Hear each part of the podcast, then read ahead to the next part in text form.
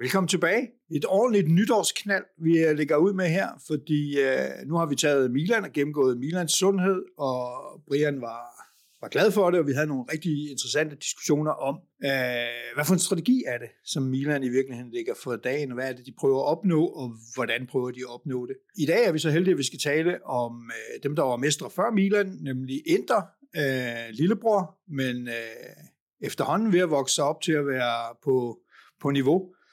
Øh, og Thomas, du har forberedt en hulesmasse, som vi glæder os til at se. Er det ikke rigtigt? Du ved ikke, om du, jeg ved ikke, om du ved, at vi glæder os, men du har forberedt dig. Jeg har øh, lige hævet en dag ud af kalenderen i hvert fald, og så øh, gået i Interland, så vi ser, om der kommer noget godt ud af det. Ja, præcis. Skal vi bare fyre afsted, og så, øh, så, tager vi, øh, så tager vi dem simpelthen bare øh, i den rækkefølge, de kommer? Vi starter bare ud øh, lige på hårdt den her gang, som man siger. Jamen, øh, lad mig øh, fyre løs. Øh, nu prøver jeg at være doktor i dag, og så stille skarp på sundhedstilstanden hos øh, de blåsorte i Milano. Øh, jeg har valgt sådan otte emner, som jeg synes er værd at tjekke efter i sømne hos, øh, hos Inder. Og så er jeg sikker på, at I to andre, I helt sikkert nok skal komme med en masse bemærkninger, kommentarer og pushback, så det ikke kommer over i, i min vanlige blåsorte eufori. Vi skal snakke øh, resultater, ejerskab, sportslig sektor, spillertrup, økonomi, kommersiel tilstand hos Inter, og så lidt Mercato, og så øh, Suning in og out, som jeg har skrevet der, deres fremtid i klubben, øh, og, og generelt fremtid for Inter, kan man sige. Hvis vi prøver at huske tilbage på Brians øh, skala, han bedømte til at bedømme øh, Milan udefra, så starter jeg lige ud med en lille varedeklaration her, så lytter og ser, de er med på, hvilken skala jeg har anvendt for at bedømme øh, tilstanden hos Inter med. Øh, I Brians gennemgang, der bedømte han jo primært øh, to sæsoner op imod hinanden i forhold til, hvor Milan var nu, så sådan et etårigt perspektiv. Jeg har selvfølgelig valgt en anden tilgang, øh, da jeg synes, den passer bedre på Inter, fordi øh, hvis man hopper på, øh, på LinkedIn i de her tider, så er alle skulle på en eller anden form for rejse i deres liv, og jeg har også valgt at kigge på Inter som, som en lille rejse. Øh, så bedømmelsen her, den er ud fra to punkter, som jeg gerne lige vil præcisere. Det er den rejse. Startpunktet, det er den rejse, hvor Inders satte det i gang i 2018 primært, hvor man investerede ret hæftigt. Finansiering og sponsorer kom på plads. Man havde den der store Marotta Conte investering, og man investerede i Media House, digital verden og alt det her, og begynder at snakke om stadion. Det tidspunkt der i 2018, det holder jeg så op mod tilstanden i dag, her i 2023-sæsonen, efter man har indleveret det seneste regnskab, som også hvad fremtidsudsigteren siger for den her sæson, og hvad der sådan lige venter ude de næste par år. Så mit tidsperspektiv er sådan over en lidt, øh, en lidt længere periode i forhold til Brians, bare lige så det er, det var deklareret. Altså, hvis Inter i 2018 stod på 0 på en målstreg, er man så siden da løbet tættere hen imod et femtal, eller er man sakket bagud imod et minus femtal øh, på skala der? Ja, interessant. Interessant. Øh, skal vi kaste os til nogle resultater? Vi starter ud med det allervigtigste i fodbold, øh, resultaterne. Øh, siden 1819, der har der været fremgang år for år, kulminerende med det der mesterskab under Conte, så kommer der lidt grus i maskinen. Mildt sagt kan vi sige. Jeg vil sige, på det her tidspunkt, da man vinder det Scudetto, der står Inter nok egentlig med en ret stor mulighed for at gå for at være en titelbejler til potentielt at blive en titelfavorit de kommende år. Juve var lidt nede i en bølgedal, Milan var kun lige på vej op. Økonomi går så hen og slår den idé i stykker, og så er man så, som jeg ser det, tilbage i at være iblandt en del af de her fire klubber, der kan bejle til en Scudetto fra sæson til sæson, alt efter hvilken vej pilen lige peger.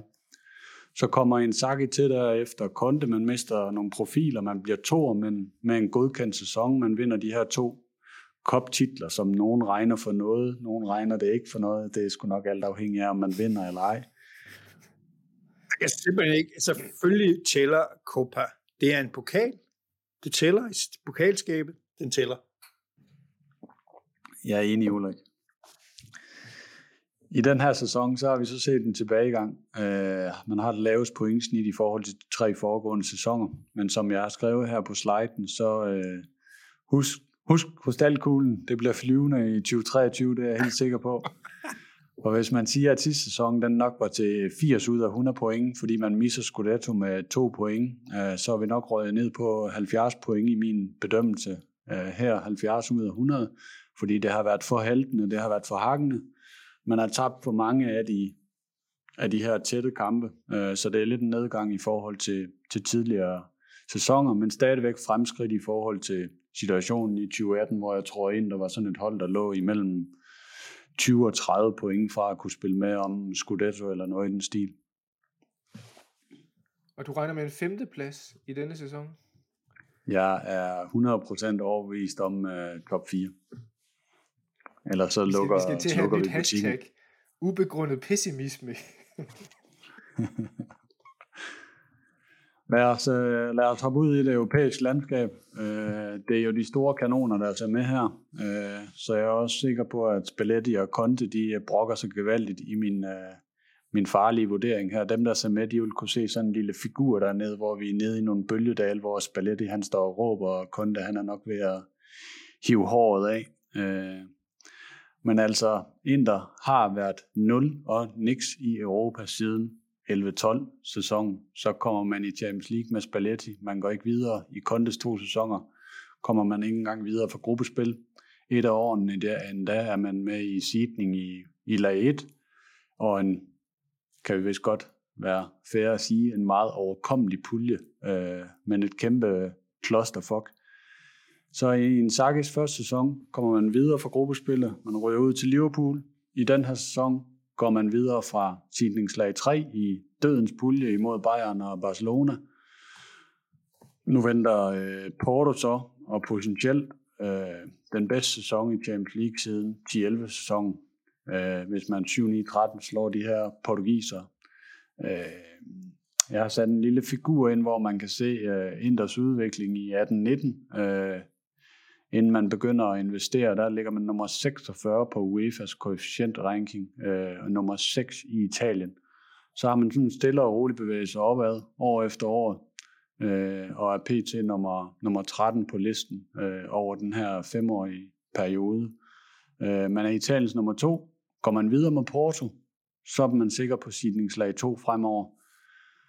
Ulrik, han ved jo godt, jeg, øh, jeg er en lille drillenæse i, øh, i den her juletid julen er over, men jeg kan godt stadigvæk være en drillenæs, så har jeg også skrevet her på sliden, at måske kan man blive Italiens nummer et på den her femårige ranking efter næste sæson. Afhængig af, hvad Ulrik og Juve de vælger at lave i Europa League, når de har valgt så, eller været så vanvittige og valgt at neddrosle for at få nogle point på kontoen. Ah, vi skal over og have lidt succes. Øh, uh, jamen, det er jo imponerende. Uh, lad os se, uh, hvordan det går hvad er din fornemmelse? Lad os nu sige, at man kommer forbi Porto. Er det så barn for, hvad Inter kan lige nu? Eller kan de gå videre i Europa? Er de et top 8 hold, eller er de et top 16 hold? Jamen, jeg synes, det der Europa, det snyder lidt i forhold til at vurdere ens klub, og det er kun en sæson, du, øh, du lige kigger på, og lodtrækningen, det kan spille gevaldigt ind. Øh, så ja, kommer Inter videre med Porto. Øh, så hvis de trækker vinderen af, jeg mener, der er et eller andet opgør med nogle sådan navnemæssigt lavere hold. Lad os så sige, at de trækker dem i en kvartfinale og kan gå videre der. Er det så et udtryk for, at Inter er i uh, Europas top 4? Uh, øh, ja, på en turnering, men jo, det er jo ikke tilstanden i Inter. Så Inter møder de City i næste runde, så er man ude, inden man når at stille op i de to kampe næsten. Så, uh, ja, ja. så det, er, det er et øjebliksbillede. Ja, og det, og, og det er jo til dels også charmen ved europæisk fodbold, at nogle gange så kan man være heldig, og andre kan være uheldige, og man, et hold, der ellers ikke fortjener det, kan komme højt op og modsat. Et hold, som fortjener heder og ære, kan ryge ud allerede i gruppespil. Thomas, jeg er da enig med dig ud af 9 ud af det, eller i 10 ud af 10 kampe, så vil øh, City, hvis det er dem, de vil vinde de, øh, de 8 eller de 9.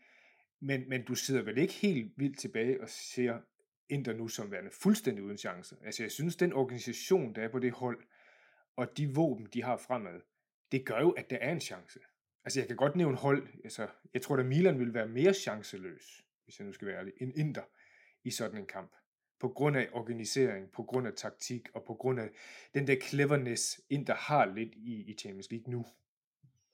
Eller er det helt forkert vurderet? Mm, Nej, det, det kan jeg godt være enig i, øh, fordi man har noget selvtillid i forhold til, jeg synes, de der Liverpool-kampe sidste øh, forår, de var nogenlunde positive. Øh, jeg havde regnet med, at det ville se værre ud.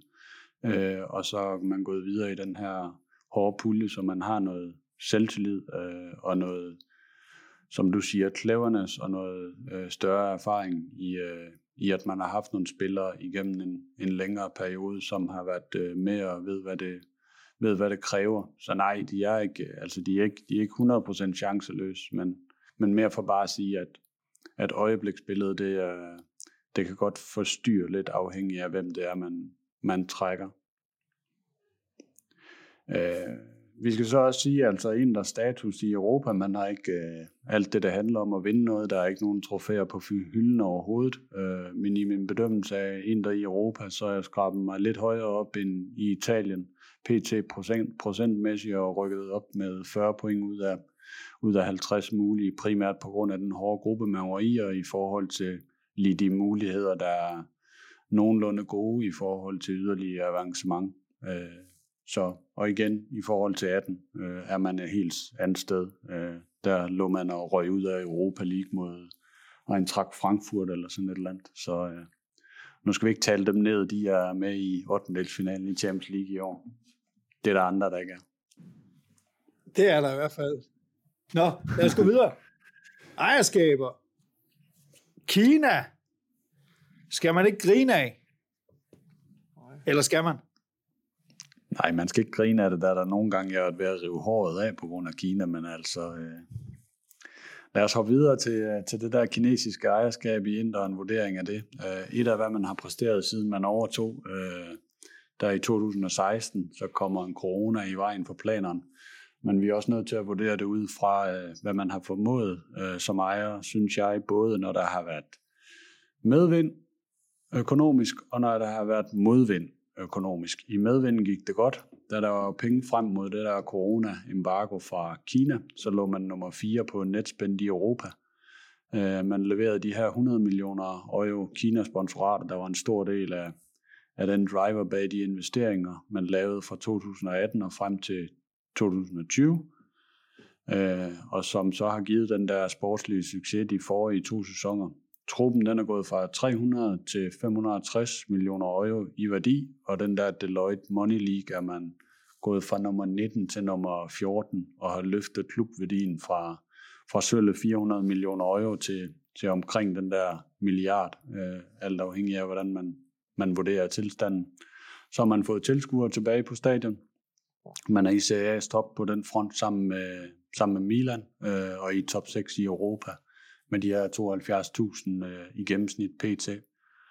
I det digitale, øh, der er man gået fra ingenting til at have den højeste vækst blandt europæiske klubber siden 2016. Det er stadig et område, man investerer rigtig meget i. Det var så også det, man kan sige, som man har gjort godt. Så kommer den der modvind, og her må man så bare sige, at businessplanen den har været for risikabel. Den har været for politisk afhængig til, at man har kunne agere fornuftigt siden, øh, siden corona. Øh, ja, det kan godt være, at man ikke har kunne gøre ret meget andet i den situation, men det er jo et parameter, man har vidst kunne ske.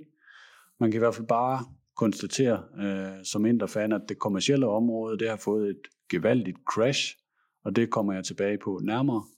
Øh, Sunnings funding netværk vil jeg kalde det, ud over Kina. Det er for ringe, og så er der nogle uklarheder fra nu og fremadrettet om, hvad det er, man, man vil.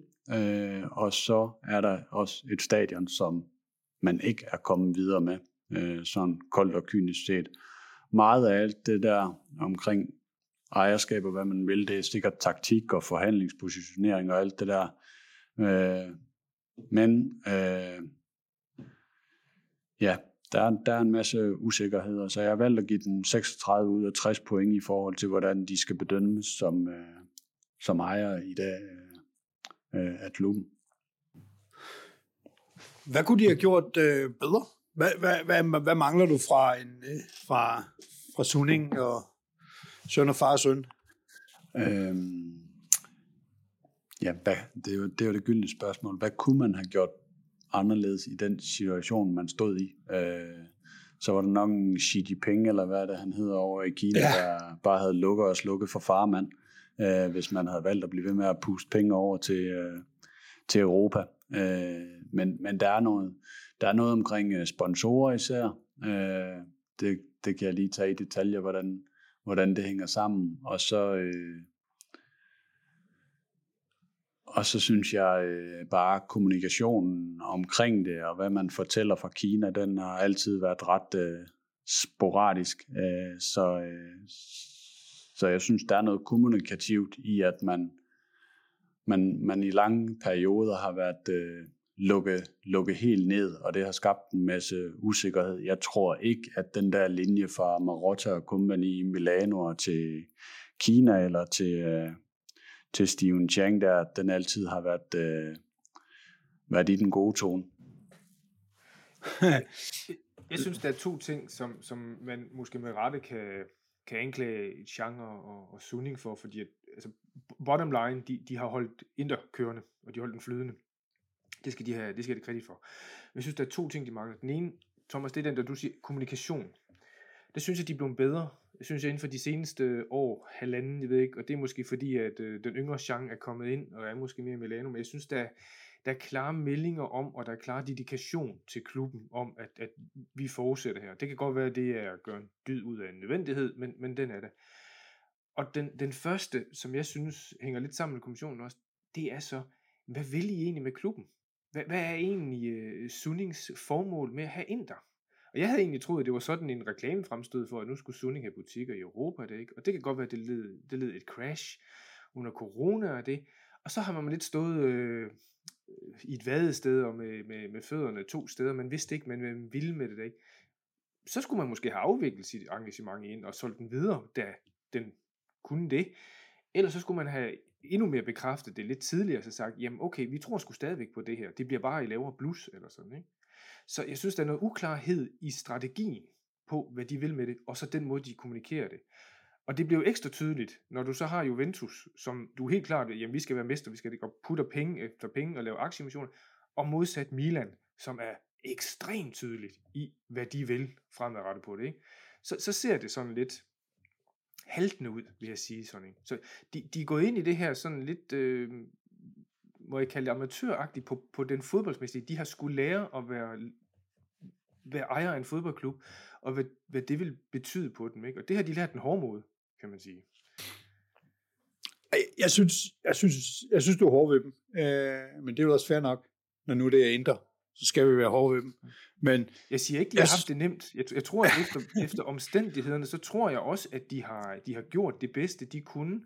Men jeg tror, hvis du har spurgt, det har været amerikansk ejer, så er de gået ind med en klar strategi, de er gået ind med et klart formål med det, og det kan godt være, at det er bare make the money, jamen så må det være sådan der, og så kører det. Jeg, jeg, jeg ser lidt øh, uh, ind der øh, stå på mange heste nogle steder. Jeg synes jo, hvis man kigger på, hvad de gjorde, altså de går ind, tager et, et, et, en klub og et selskab, som er øh, undervurderet, eller altså sådan markedsmæssigt undervurderet, ikke? altså har potentiale. Øh, og så tager man en en stensikker opskrift, som er dyr, men som er stensikker, som er Marotta Conte. Øh, og, og man får, får fuldstændig dæmpet ned for det her Pazza Inter, som ellers har været ustyrligt i hvad? 25 år. Øh, det er jo noget, vi alle sammen har holdt af. Men det, er øh, det, er jo, det er jo ikke ejerskabet, det er jo ledelsen. Og der kan vi godt komme ind på, at det, der, der, der tror jeg, vi er mere enige. På det Men hvad er, den, hvad er den vigtigste rolle for en ejer? Det er... Og penge. Ja, at vælge den rigtige ledelse. Og det er jo, det er jo ja, virkelig det, som jeg synes, de har gjort. Ikke? At de har sagt, fint, lad os få ro på bagsmækken, lad os få styr på den her rodebutik. Uh, alt det der Pazza Inter cirkus, hvor vi uh, vinder 7-0 den ene dag og taber 4-3 den næste og så videre. Prøv at få styr på det. Og, så det synes jeg, de har gjort meget godt. Og så har de jo selvfølgelig haft det her handicap, som er et kæmpe handicap, som er, hvis man er bundet op til en diktaturstat, og det er der jo andre klubber i Europa, der er, så er man også øh, fuldstændig bundet op på, hvad den givende leder nu beslutter sig for. Og på et tidspunkt lukkede Kina jo for kasserne. Nå. Skal vi, øh, er der mere, du vil sige om ejerne, Thomas? Vil du øh, forsvare dem, eller bakke mig op? Jeg, øh, basher den lidt yderligere senere. Okay, så kører vi bare Så ikke, ikke mere for nu, det skal komme i doser. Ja, det er godt. Øh, vi hopper til ledelsen, hvor vi i den øverste, der har Marotta øh, på det sportslige, Antonello på, på driften, Danovaro på det kommercielle, og så Zanetti, ham kan vi kalde den flotte kransekagefigur. Øh, siden Marotta han kommer til, øh, har den her ledelse stået siden 2018. Alle har forlænget deres kontrakter til 2025, øh, og som du også sagde lige før, Ulrik, øh, det her Patsa-Inter-fænomen fik man ret hurtigt smidt godt og grundigt væk der i 2018. Intern ballade er, er væk, og der er kontinuitet på, på tingene øh, i den afdeling der. Man har ramt rigtigt på de, på de store linjer, vil jeg sige. Der er en rød tråd i arbejdet, øh, eksempelvis da man går fra Conte til en Saki. Det er sådan nogenlunde samme system, uden de store spillerudskiftninger, der er været. Øh, man har ro på, og selv i, selv i kriser som sommeren 2021 agerer man øh, professionelt og kommer fornuftigt ud af den. Øh, så der vil jeg rose dem for, at de under de vilkår, der var fra, fra, fra Kina øh, og ejerne, øh, og de vilkår, man kommer godt igennem markedet generelt, øh, der er ikke nogen tvivl om, tror jeg, at kineserne undervejs har presse mere på for flere salg siden dengang, men det har man stået imod fra, fra ledelsen her og har overvist dem om, at det ikke var den, den rigtige vej at gå, øh, og til Ulla, Ulla alt arve sølvet. Øh, så vil jeg så til gengæld kritisere dem lidt for deres evner til at rydde op, sælge ud i det her affald. Man fik ikke solgt øh, Arturo Vidal og Alexis i sommer, man måtte give dem en ret hæftig aftrædelsesordning. Man har for mange udlejespillere, man ikke har formået at sælge og kasse ind på, øh, selvom markedet har været svært på grund af corona. Øh, så synes jeg også, at deres transferpolitik i sommer på unge spillere, den ikke helt var til, til UG. Øh, og så må man bare sige, at de to dyres kort i Inders trup lige pt, det er Korea, og det er Lukaku. Øh, og i 2021, der var der nok lidt for meget Inzaghi nostalgi øh, i satsningen på Korea, øh, som en som Marotta han, Marotta, han nok burde have, have luret. Øh, 30 millioner euro, når man ingen penge har, det svarer lidt til at smide øh, 80, 800 millioner euro væk, hvis man er en Premier League-klub, hvor man har penge. Øh, så går der nok også lidt Scudetto-nostalgi i det her Lukaku comeback her i sommer. Man må bare sige, at det kan godt være, at det kun er et lån, men 19 millioner euro øh, og han spiller på bøgeren til det. Øh, når man i truppen har et gennemsnit, der ligger langt under det halve, så er øh, 200, 250 minutter spilletid, eller hvad Lukaku han er på, det er nok lige skrabet nok til, øh, til at han trods alt koster så meget i, i bøgeren her i år. Øh, så øh, 19 er det med løn, eller er det... Ja, det er løn og det okay, der... så det er øh, lønner og, og, og lånegi, okay. Ja, ja. Ja, Stadigvæk en dyr her. det må man sige. Øh, indtil videre øh, er der ikke kommet så meget ud af det her nostalgi-comeback, må man bare sige. Øh, Må jeg sige noget? Ja. Inden øh, du går ned til ambitionen. Fordi det der med at ikke at kunne sælge, øh, det er jo noget, alle klubber i virkeligheden bliver kritiseret for. Fordi det er jo rigtig, rigtig svært at sælge en Arturo Vidal, som er i skyggen, altså i en absolute slutning af sin, sin karriere, og som øh, har en løn på, øh, hvad gav I ham, 5 netto, eller 6 netto, eller et eller andet. Altså, syv. øh, syv oven i købet, ikke? Altså, øh, det er der jo ingen, der vil købe. Øh, og specielt hvis man ved, at jamen, man har ikke selv nogen penge, og, og, øh, og den klub, øh, man skal snakke med, Inter har heller ikke nogen penge, så måske kan man forhandle osv. Altså, jeg har hørt det meget fra Juventus-tilhængere. Åh, og det var endda, dengang man Marotta. Marotta kan ikke finde ud af at sælge, han kan ikke finde ud af noget som helst. Men der er ingen, der kan finde ud af at sælge. Hvis, hvis du har lort på hylderne, så, så kan du ikke sælge det, er derfor, Altså- det er derfor, alle klubber har udgifter til agenter. Det er ikke så meget for at købe, det er meget mere for at sælge. Det er andet for offload.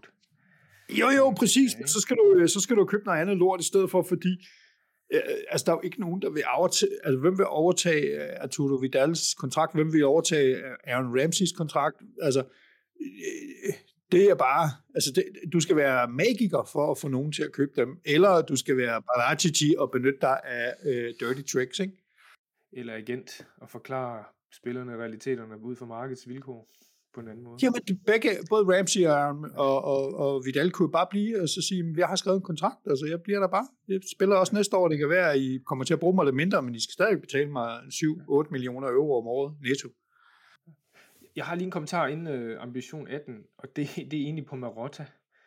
Og uh, jeg synes jo, det, det er jo et eksempel på, at en, en klubs affald, det kan blive en anden klubs diamant. Ikke? Altså det, det, det er jo virkelig, om det var held, eller det var godt set, eller andet, det ved jeg ikke, men han er jo virkelig kommet på den rette hylde, efter at blive kastet ud med badevandet i Juventus. Så er han jo kommet ind og har måske været den vigtigste del i Inter, som jeg ser på den transformation, vi ser inden for de seneste fem år her. Ikke? Altså, den der ro, jeg efterlyste ved ejerne som sådan, ikke? Og da vi, den er jo kommet med ham. Det har du jo fuldstændig ret i, Ulrik, her. Det, det er jo ham, der ligesom har, om man så har givet dem ørefiner, eller han har givet dem sms'er, eller Barbara Bertelsen, eller hvad, det, det ved jeg ikke. Men, men, men han har i hvert fald sørget for, at, at der er en ro. Den der usandsynlige, vigtige ro i en klub, hvor den kan bevæge sig fremad samlet, ikke? Det er han jo manden for. At der så er trænere, der hisses op og sådan noget, det er ikke. Men der er i hvert fald et anker bag i der, der er superb godt. Jeg har sådan en anden kommentar, men den tænker vi kommer efter ambitionen fra 18. Yes. Øh, hvis du lige hopper videre på en slide, Ulrik. Ja, ambitionen fra 18, da Marotta han kommer, øh, et af de remedier, øh, kan du sige, som fik Patser ind derud, eller skulle få Patser ind der væk, det var, at den her italiensk kerne, den gerne skulle være større. Man skulle også gerne have trubalderen reduceret. Så man samlet set en større del af nogle unge italienske spillere, det var ambitionen dengang. Den lavere trubalder, den er, man, den er man ikke kommet igennem med. Der kom også noget coronagrus i planerne der i 2020. Så tog øh, Conte, Vidal og Kolarov ind, fordi man skulle have noget rutine ind. Scudetto, det var muligt osv. Øh, og så kunne man ikke økonomisk holde på en ung Hakimi og en yngre Lukaku, øh, og indkom Dzeko.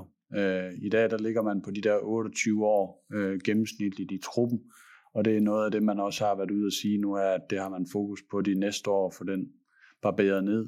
Øh, de italienske spillere, det er man kommet forholdsvis godt i mål med at få det hævet. Man har en god stamme med otte spillere, hvor Bastoni, øh, Barella, Di Marco spiller fast, mens de fem andre italienske reserver, de får okay med spilletid.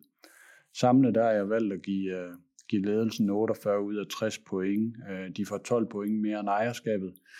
Simpelthen fordi, at øh, de har holdt røven op på projektet de sidste par år med, med stort set ingen midler. Thomas, hvorfor er det vigtigt, at italienere med i truppen? Hvor, hvorfor er det et vigtigt parameter? Øh, omklædning. Øh, I forhold til ikke at have alt det her øh, drama, som Inter de før har set. Vil du hellere have D'Ambrosio, øh, Damian øh, og øh, Gagliardini, som er nogle øh, løjtnanter, kan du sige, der har været der i øh, flere år, og kan være med til at indsluse øh, nye spillere i forhold til, hvad end der er for en størrelse. Jeg tror, det er bedre at have sådan nogen, end, end øh, hvis jeg tænker lidt tilbage, end øh, øh, Hvorfor øh, hiver man en reservespiller ind som øh, Alex øh, Telles øh, på et tidspunkt? Øh, man har også haft alle mulige andre inde øh, igennem tiden. Øh, så jeg tror simpelthen, det er den filosofi, at man har en grundstamme, der er italiener i forhold til, at det øger chancen for at bevare det gode omklædningsrum, og at der ikke lige pludselig opstår øh, Icardi-situationer, og Stefan Jovetic, og hvad han hed dengang, øh, der var ved at komme op og slås sammen med Mancini. Men var det ikke også sådan i de gode gamle Batzer Interdag, som alle jo savner, var, det ikke så, altså var der ikke sådan en brasiliansk klike, en argentinsk klike, en balkan klike og sådan noget? Altså det var jo øh, det rene første verdenskrig inde i det der om, omklædningsrum.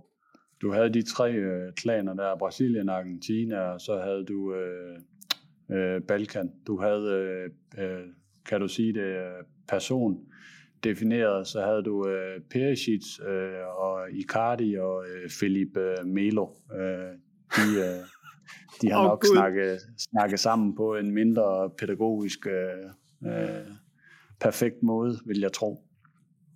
Ja, og det er vel, det er vel tanken i virkeligheden at sige, okay, så lad os få en kerne af italienske, så, det, så der virkelig er en klike, der dominerer, og så må de andre ligesom rette ind efter. Det må en, være det, der er filosofien, ikke? En klike, en kultur, det er i hvert fald det, som man snakkede om der i 2018, da man stod med, hvad hedder det, Icardi-problemerne, og han end, endelig kom ud, at det var ambitionen der. Goodie. Videre. Sportslig sektor. Uh, vi hopper videre til den sportslige, som primært her nok er bedømt af sakke. Jeg synes, det, det trækker op, at man er blevet bedre i Europa. Man er mere uh, risikovillig uh, end under Conte. Man er mere fleksibel, mere offensivt minded, uh, som især kræves imod Europas top. Uh, og så er det jo egentlig først under en krise, at man ser en, en træner sande jeg, øh, kan man sige. Når man så har, i den her sæson har spillet otte kampe, og man har tabt fire ud af dem, så er der for alvor pres på, når at Brozovic og Lukaku de også går i stykker. Og det synes jeg egentlig, en Saki han løste godt hen over efteråret og vandt alt, undtagen en øh, ubetydelig kamp i Torino mod en alt for defensiv træner, hvor man tabte på øh, unfair metoder. Øh, så synes jeg så, at man i den her sæson, at man har fået løftet kvaliteten på reserven, men jeg synes ikke rigtigt, at man har fået den 110% integreret på banen, hvor det gælder Bellanova og Slani Gosens. Der har været nogle kampe, øh, jeg har tænkt, ah, det går jo nok lige alligevel at prøve dem af nu, men der er han øh, relativt pragmatisk, må man sige. Men jeg synes, det trækker ned, især i det kampprogram, der også var, som var relativt komprimeret. Men jeg tror også, han blev lidt han bliver lidt indhentet af, at han har tabt fire ud af otte, og der er pres på, øh, og så tør han ikke at introducere den lidt tidligere. Øh, så synes jeg, at det trækker ned, at øh, hans evner til at vende kampe undervejs i den her sæson, især topkampen, de har været, øh, de evner, de har været lidt for svage. Man har ikke rigtig kunne grinde et point hjem, når spillet var til mere. Man, man har tabt nogle kampe på dumheder eller omstillinger. Fordi, eller fordi man simpelthen var for vælsindet i sine dispositioner fra bænken, synes jeg. Øh, lidt i den bløde afdeling, så er Inders Primavera PT fjerde sidst i ligaen.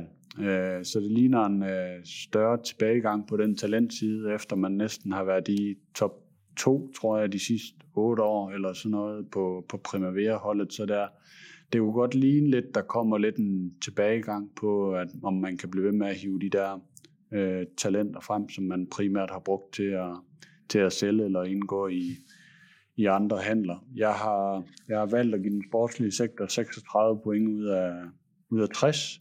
Det skal trække ned, at man taber 5 ud af 15 kampe i Serie A i det her efterår, og man har haltet i, den, i, den store, i de store kampe. Det, det, det gør jo en ondt som indre fan, at, at det lige netop er de, de kampe, man, man taber, synes jeg. I kan jo komme øh, pænt over de 40 point øh, 4. januar ved lige at nappe en sejr mod en af de store. Ved lige at sætte fod i CA igen, så det er jo der, jeg har ja. tidligere sagt, at der bliver alle anti-Inter-fans, de bliver lige pludselig Inter-fans lige netop i de der to timer. Jeg kommer til at sidde med en uh, Matarazzi, tror jeg, i de to timer.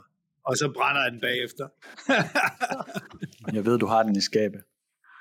Nå, øh, jeg havde et spørgsmål til Bellanova, Aslani, Gosens. Altså, øh, min fornemmelse er jo også, at de simpelthen bare er et niveau under dem, de skal erstatte. Altså, øh, i hvert fald Bellanova, Gosens, Aslani er lidt et wildcard indtil videre, ikke? Ja, men går det ikke hjemme mod Empoli øh, og prøve den? Det er jo sådan lidt det, det jeg sad og tænkt undervejs øh, her i det her efterår øh, i stedet for at spille de samme øh, med et dobbeltprogram øh, uge efter uge. Så synes jeg, der har været, været kampe, øh, hvor man tænker, ah, må ikke hjemme mod Sampdoria og Bologna også, at vi kunne have gjort det.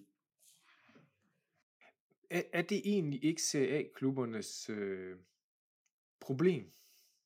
Det, det er i hvert fald også Milans problem, det er, at de har på dagen en stærk startelver, som kan konkurrere spille en god kamp mod, mod mange ude i Europa, sandsynligvis tabe også, men spille i hvert fald op med dem.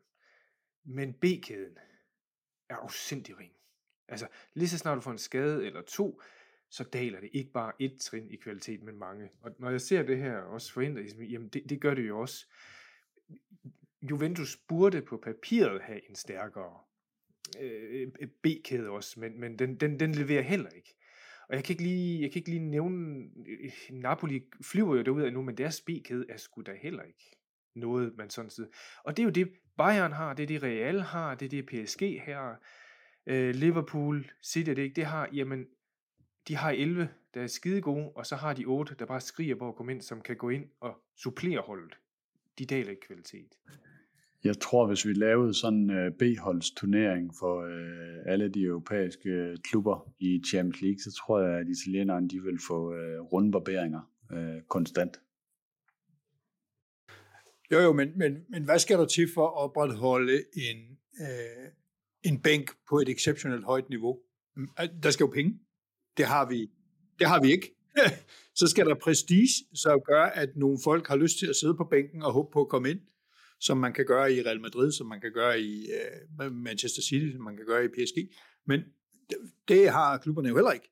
Så, så det er sådan en ondskabsfuld, selvforstærkende ting, som, uh, som gør, at det er også meget, meget, meget svært at have enormt dyre spillere siddende på bænken. Men mindre det er sådan nogle dyre Arturo Vidal-typer, eller sådan noget, hvor man ikke kan komme af med dem. Aaron Ramsey. Mm.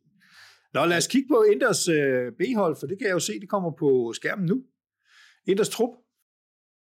Ja, Øh, første positive, jeg synes jo samlet set, man har den bedste trupkvalitet siden øh, 2010 faktisk, og også bedre samlet end under Conte. Ja, man har ikke Hakimi, og man har ikke Perisic øh, topniveau.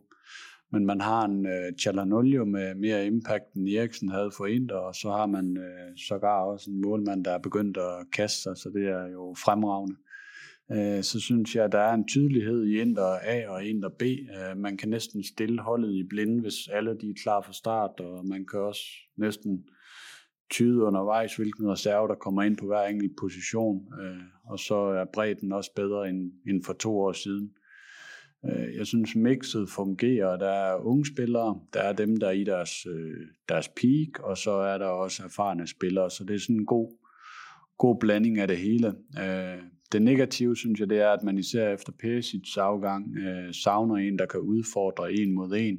Øh, så jeg også for nyligt øh, medierne øh, skrive lidt om i forhold til en Saki, at det var det, man gik lidt efter fremadrettet kantspillere, der også kunne noget en mod en. Øh, især i topkampen, synes jeg, det har været udtalt, at man har manglet de kvaliteter. Di Marco, han er god øh, og har bygget rigtig meget på, men han er mere den der relationsspiller, vil jeg sige, øh, ligesom de andre også er. Øh, ja, Barella og Lautaro, de kan, men man har ikke en øh, Leao, man har ikke en Kvaratskhelia eller en Chiesa, når han kommer retur. Sådan en typen, der kan noget fra stående ud af det blå. Jeg tror før vi har kaldt ham proptrækkeren, det, øh, det har de ja. ikke rigtigt. Øh, så mangler man også især at kunne spille, spille for fuld damp i alle 90 minutter, især i de store kampe. Øh, man har stadig hvileperioder undervejs, ligesom man især i den her sæson også har været alt for sårbar på, på omstillinger. Når jeg, når jeg kigger på dem, så, så ser jeg jo øh, så ser jeg jo kontehold i høj grad. Altså forstået på den måde, at det er bundsolidt, øh, og øh, det er kanter med, med klare defensive forser, også offensiv, men, men, men, men i hvert fald også nogen, der kan forsvare, altså ikke ligesom øh, en Perisic eller en Leao, som jo ikke var specielt god til at forsvare. Og så, øh, og så hvad hedder det, øh, og så skal man vinde på sit system og på at mase, ikke? Altså mere end på enkelte præstationer, og så skal den op på de to, og så skal der være lidt samspil og så videre. Øh, og det er jo, er det nok til Europa?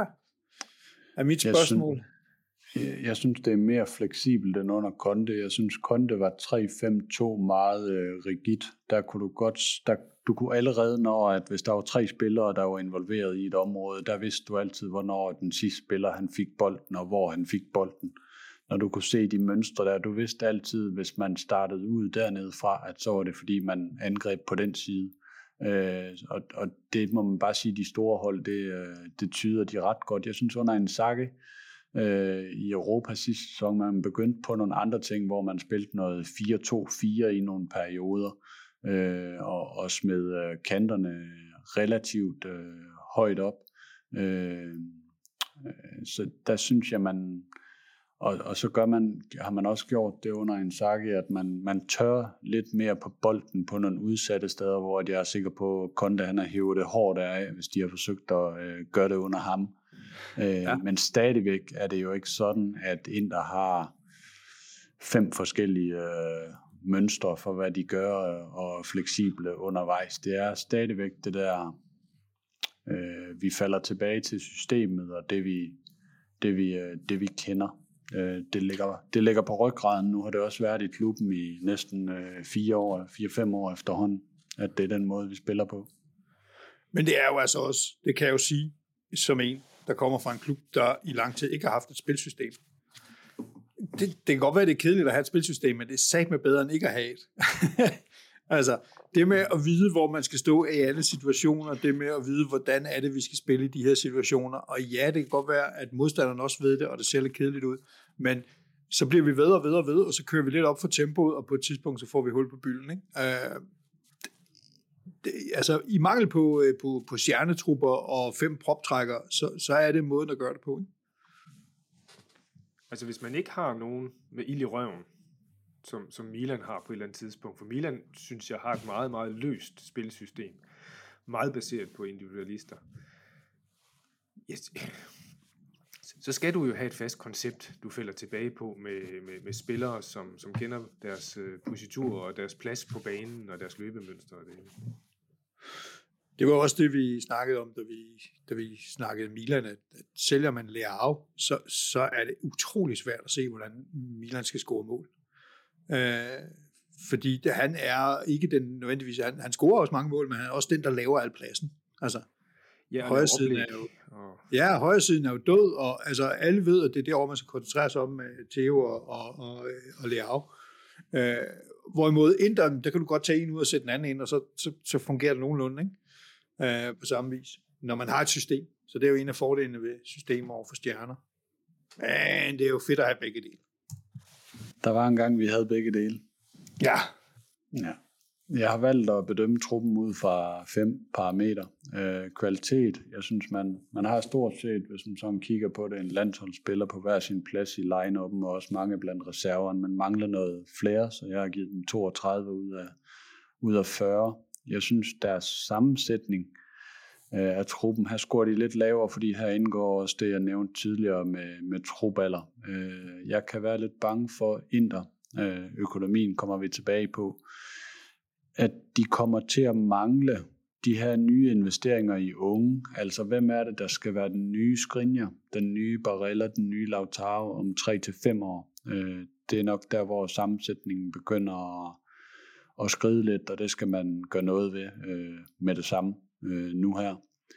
Opfyldelse af potentiale. Øh, her mangler man øh, også noget. Øh, Bastoni eksempelvis synes jeg er en spiller, der kan bygge noget mere kontinuitet på. Øh, han har lidt for mange highs and lows.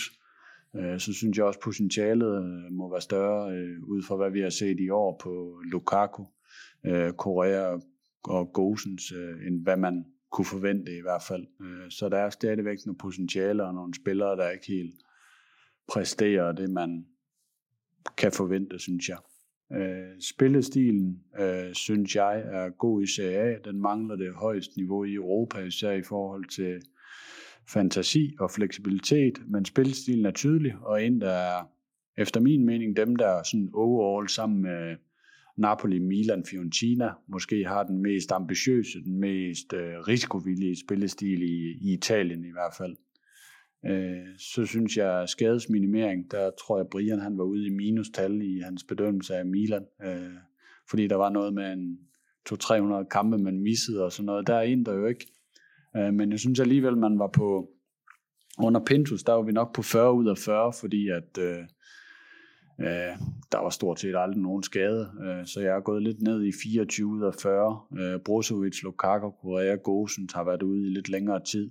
Det er stadigvæk godt øh, i forhold til andre i SA, så vi skal bestemt ikke klage. Øh, vi er dem med, med færre, nogle af dem med færre skader trods alt, men øh, det her efterår, også med det kampprogram, der har været, så, øh, så er det nok meget naturligt, at det, det dykker lidt. Jeg er ret overbevist om, at den sæson, hvor Inter vandt mesterskabet med Pintus øh, som, som fysisk det. Havde det været Juventus, med, med den sublime form, det hold var i, med den spillestil og den belastning, det var i, så har der føjet med doping, anklager og alt muligt andet. Men han kan jo bare noget, og det irriterede mig vanvittigt, for lige så snart Milan begyndte at få bare lidt, lidt fat i Juventus, eller hvad det er, i, i, i Inter, så var der sgu en Milan-fan, eller hvad det er, Milan-spiller, øh, der blev skadet eller et eller andet. Og, jo, og der kunne bare køre videre med truppen på det der, ikke? Det, det, det er igen det der med ro, og have det samme kontinuitet at arbejde videre på. Vi snakkede jo sidste gang under Milan, at det, det er jo virkelig her, man skulle bruge mange penge. Det tror jeg også, klubberne gør. Det er slet ikke det. det er ikke, vi er jo ikke eksperterne, ikke? Men hold fast, hvad betyder det meget? De der sådan spræk, der kommer i det her, det er jo det er virkelig, virkelig ødelæggende for en, en stime eller en kontinuitet på sådan et hold. Ja, det må man sige. Ja, og så er der nogle skader, der går mere ondt end andre. Ikke? Altså Lukaku var nok lidt en streg i regningen, at, at han, hvad, hvad endte han med at spille? Tre kampe? Fire kampe? Hvad fanden var det, Thomas? Det er ikke mange, vel? Tre, tror jeg. To ja, kampe og så en indskiftning. Ja, det, det er lige underkanten, ikke? Til gengæld, så er I en guldrendet forretning, har jeg forstået. Er det korrekt? Det øh, er det, du kan skrive under på i hvert fald. Øh, at vi, er, at vi er. Vi er en rigtig flot forretning ud i at bruge øh, alle farveladeren på, øh, på paletten. Øh, den sjoveste pakke af alle sammen i det her forum, det er jo økonomien. Så nu tager det fart, og jeg er sikker på, at lytteren og, og seeren, de strømmer til, og Ulrik han bliver ekstra glad lige nu. Øh, ved, det her, det er jo... Det, når vi snakker om, hvorfor har øh, CRA-hold og vores CRA-hold, som burde være dominerende og historisk har været det, hvorfor har de ikke et bedre B-hold? Hvorfor har de ikke de stjerner, der lige kan lukke det hele op og så videre?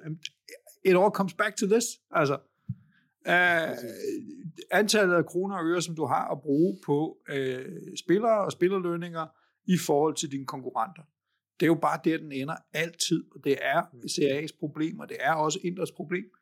Uh, så uh, take it away, Thomas. Jeg har lavet det her flotte trafiklys, der er både grøn, gul og rød, øh, og det er sådan set kun blevet øh, værre år for år. Øh, hvis du hopper tilbage til den første sæson, det kan godt være, at det bliver lidt småt der, men der står 17-18. Der var en, der faktisk nede i noget, der ligner minus 19 millioner euro underskud, året efter minus 50. Så der inden corona, der så det faktisk rigtig godt ud øh, og det gik den rigtige vej. Så kom der noget corona, og siden da er det bare stukket fuldstændig af. Øh, 140 millioner euro i sidste øh, regnskab i minus. Øh, holdt op imod CA-rekorden for året inden på 246, så tænker man nok kæmpe forbedring. Øh, nej, øh, givet det var så vel, for reelt set, så har man vel bare, som Ulrik plejer at sige, at pisse i vokseren ved at sælge nogle, nogle spillere, Øh, men man kan bare se på de der søjler, hvordan en, en forretningsplan den kan vælte fra den ene dag til den anden. En, der de har i de seneste tre regnskaber øh, med de store minuser der, øh, sådan gradvist mistet et sted imellem 50 og 100 millioner euro på de der kinesiske sponsorer på grund af det embargo, der var. Det var bare, jeg vågner nogle gange og tænker, øh, drømmer måske, har drømt om at tænke på de lidt sjovere tider, og dem havde de penge ind i det hele øh, og kunne kigge på det med de tal. Øh, men det gør vi nogle gange ikke. En hver, der kigger på det her, vil jo tænke, øh, jamen de har forkøbt sig, de lever over evner, og hvad fanden tænker de på? Luk lortet. Øh, men hvis vi husker på en af de der FFP-gennemgange, vi tidligere har haft, så øh, i foråret så UEFA implementeret de der 70 procent øh, som afskrivning og løn på spillere, de maks må udgøre omsætningen øh, om tre år.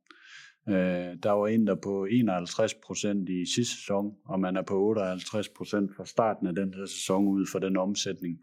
Man forventer, og som endnu ikke inkluderer nogen af de spillere selv, øh, man nok er nødt til at lave, kommer jeg tilbage til. Øh, så det er faktisk ikke den der trupomkostningsdel, der gør mest nas lige nu, men en helt anden øh, del, øh, som vi lige øh, ser på det næste her, vil jeg tro. Ja, jeg, jeg vil godt lige blive lidt, fordi hvorfor er det, at udgifterne eksploderer nærmest i øh, uh, 21-22? Altså, de hopper lige med øh, plus 100 millioner på udgiftssiden. Øh, Konde var der også i 1920, men 2021, der havde du det der øh, med Konte, hvor at han skulle have en aftrædelsespakke. Der var, øh, hvad hedder han, øh, hvad hedder han, øh, Xiao Mario, øh, og en anden spiller af de dyre, der man måtte afskrive på. Så man var oppe i sådan en ekstraordinære omkostninger på 50 millioner euro øh, på, øh, på aftrædelse af spillere. Og så sker der også det, at i de år, der er det, man har investeret ret kraftigt i, øh, hvad hedder det, backup office på deres øh, digital, øh, digitale omstilling, hvor de har investeret ret meget i det der inter-tv øh, og hele, hele organisationen bag, bag det og skulle booste det kommercielle også. Så det er primært de ting, der ligger, uh, ligger i det der. Okay, fordi det er jo et lidt giftigt uh, tidspunkt lige at øge sin omsætning, eller øge sine udgifter yes. med ja. i rundtal 20 procent eller eller andet, ikke? Fra 475 til 600. Ja. Man kan sige, at jeg, jeg tror før, jeg kaldte det The Perfect Storm, og det var det, man blev ramt af, øh, med at øh, de der sponsorater, de gik nedad, og inden at corona kom, der, havde man, der var man begyndt at geare, øh, både på, på spillersiden, men også på alt det bagved. Øh, ja. Så man, øh, de to ting der, de crashede lige hinanden, og så kommer det til at se ud på den måde der. Så får man sådan en double whammy, hvor først, først så bliver sponsoraterne taget væk, og så kommer corona lige og fejrer benene, og så er du færdig. Jeg er jo glad for at kunne konstatere, at de 246 millioner euro i underskud i uh, 2021 stadig er CA-rekord. Uh, så det skal I have. En lille, lille guldpræmie. Ding. Tillykke. Juventus prøvede og se, om vi kunne overgå det. Og så blev vi øh, tvunget til at justere vores regnskab, men det vender vi tilbage til. Så for Sørensen, nu kommer der en fræk en her. Nu kommer øh, den frække farvelade. Et det de historisk tal, noget sjovere, synes jeg, det er at kigge på, hvor det er, vi står i dag, når vi skal vurdere tilstanden. Øh, det jeg forsøger at vise her, det er, hvor ind der er i den her sæson i forhold til sidste sæson. Øh, man har, øh, ja, da man aflagde regnskabet for sidste sæson, har man også øh, lavet en masse forventninger til den her sæson. Øh, så hvad er der sådan af signifikante ændringer i forhold til det her tab på 140 millioner euro øh, sidste sæson? Øh, stadion, hvis du starter på det, det stiger med 18 millioner op imod de 60. Det kan blive mere, hvis de her 72.000 i tilskuer gennemsnit, de var ved sæsonen ud, og man, man brager videre i Europa også. Så er der tv, som er på status quo med sidste sæson. Det kan også blive ved med Europa øh, og med cup-turneringer osv.